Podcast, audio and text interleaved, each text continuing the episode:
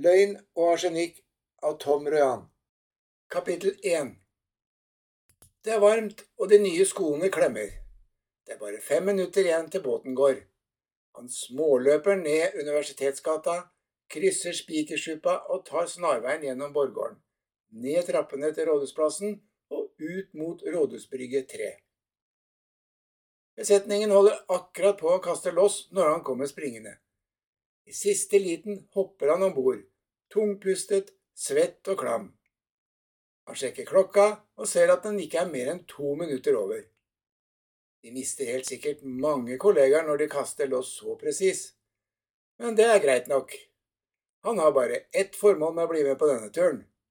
Han må snakke med Arne, sjefen. Han har ikke klart å få tak i ham hele uka. Tidsfristen for å sende tilbudet på oppdraget i Kolkata er i ferd med å renne ut. På fordekket koker det av kollegaer. Han begynner å bevege seg innover, hilser til to fra IT-avdelingen. De ser seg rundt usikkert. Det blir ikke bedre plass av at betjeningen har satt opp en provisorisk bar som serverer velkomstdrinker, men det hjelper sikkert på tørsten og nervene. Været er perfekt for båttur. Det er vindstille, varmt og sjøen er helt blank. Når båten snur ut av havneområdet, kommer det en liten bris innover dekket. Han fisker opp et lommetørkle og tørker svetten av pannen. Han ruller opp ermene, knepper opp en knapp og drar litt i skjorta for å kjøle seg ned.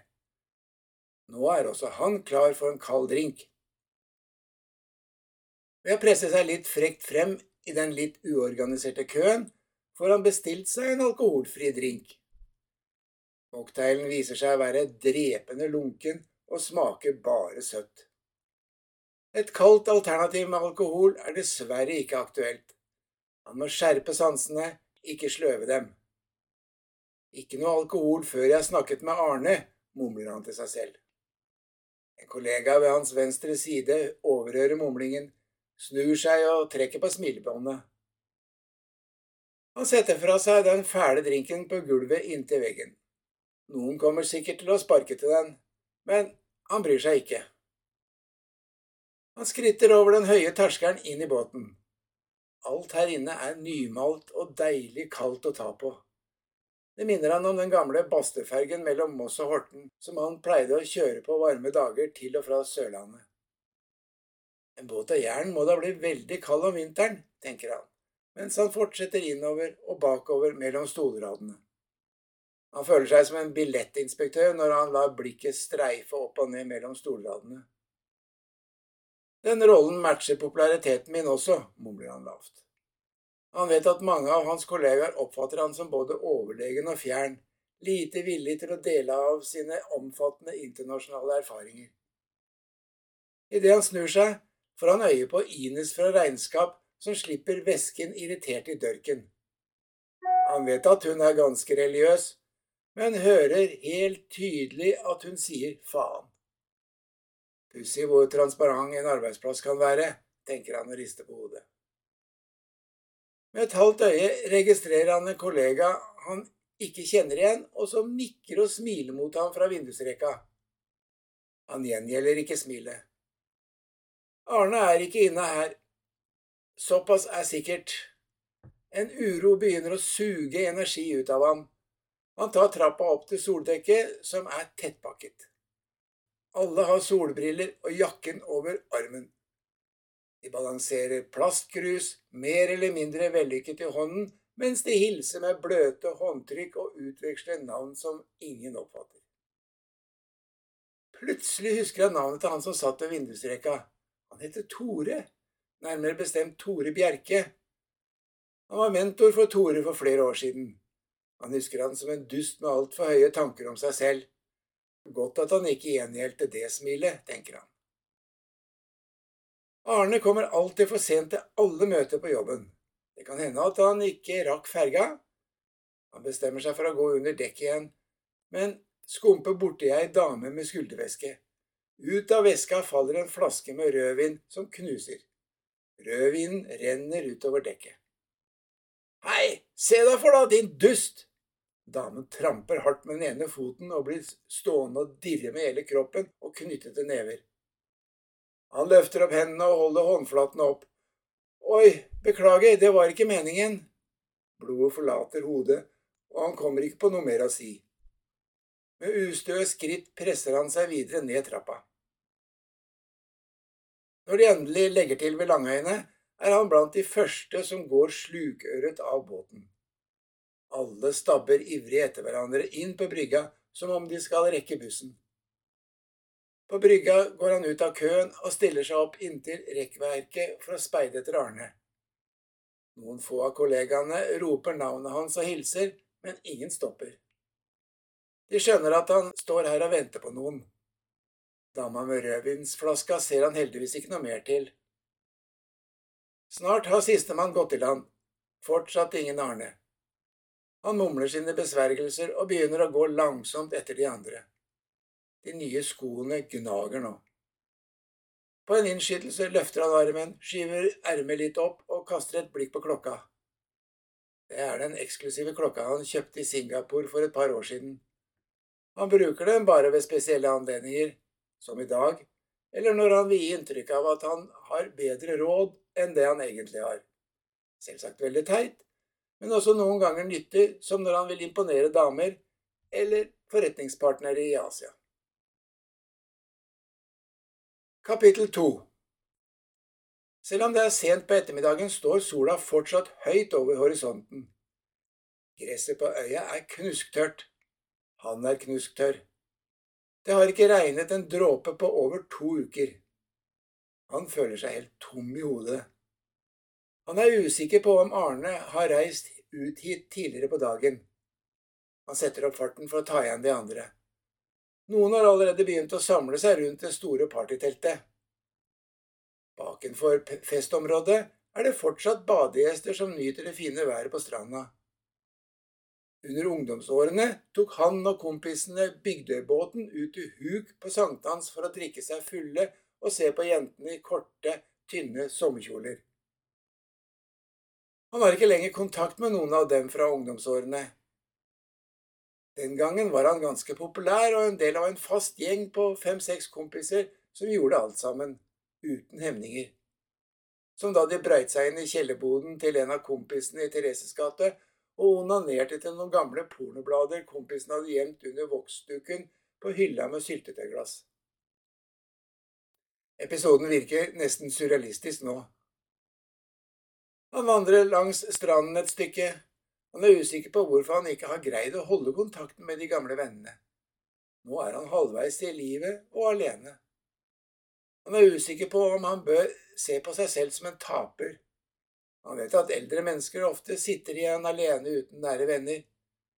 Det er ikke første gang slike tanker dukker opp. Han har forresten en virkelig nær venn. Det er tigeren, bestevennen han stadig glemmer. Han regner ofte tigeren som en selvfølge. Tigeren er som alltid der. Tigeren er gull verdt. Han er litt enkel, men snill, veldig lojal og alltid hjelpsom. Tigeren er en som han kunne ha gått i skyttergraven med. Han vet ikke om noen andre han kan stole så blindt på som tigeren. De kan snakke om alt. De kan være ærlige og oppriktige overfor hverandre uten å behøve å tenke på at de sier noe feil. Det hele startet med en slåsskamp i storefri, en slåsskamp som endte på kontoret til rektor, og et vennskap som aldri har tatt slutt. I ungdomsårene var det også andre kompiser, og ikke minst kjærester, som krevde sitt. Testosteron og myke, våte fitter tok fullstendig over i en periode.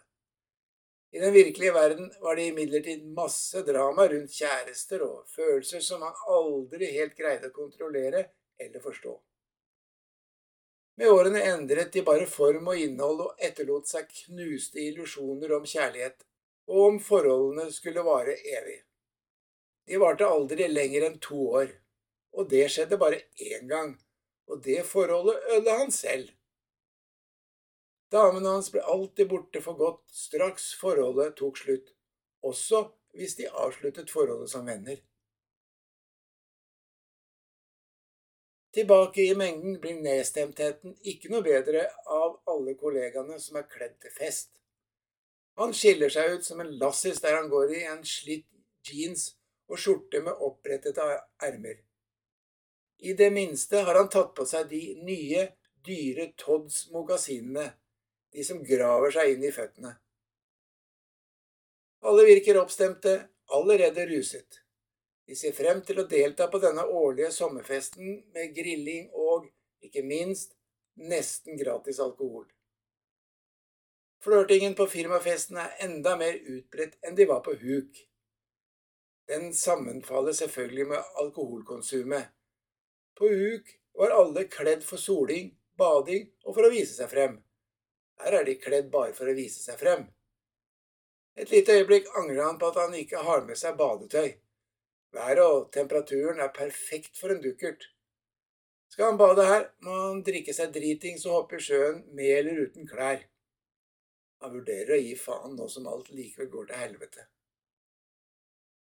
Gressletta mellom Nordre og Søndre Langøy benyttes ofte til å sette opp partytelt og griller for firmafester. Arrangementskomiteen har plassert langbord og tre store griller som bl.a. tilbyr lett svidde svinekoteletter, kylling og selvsagt masse pølser. Tynne wiener og tykke bratwurst, hans favoritt. Men ikke akkurat i dag. Det tørre gresset er trampet flatt til en naturens fillerie. Folk sitter allerede veldig tett på benkene. Fra de oppvarmede svarte fjellknausene utenfor teltet siver det en sensuell, varm bris som mykt omslutter kroppene og transformerer hele området til en eufori av kåte forventninger og alkoholkrydret flørting.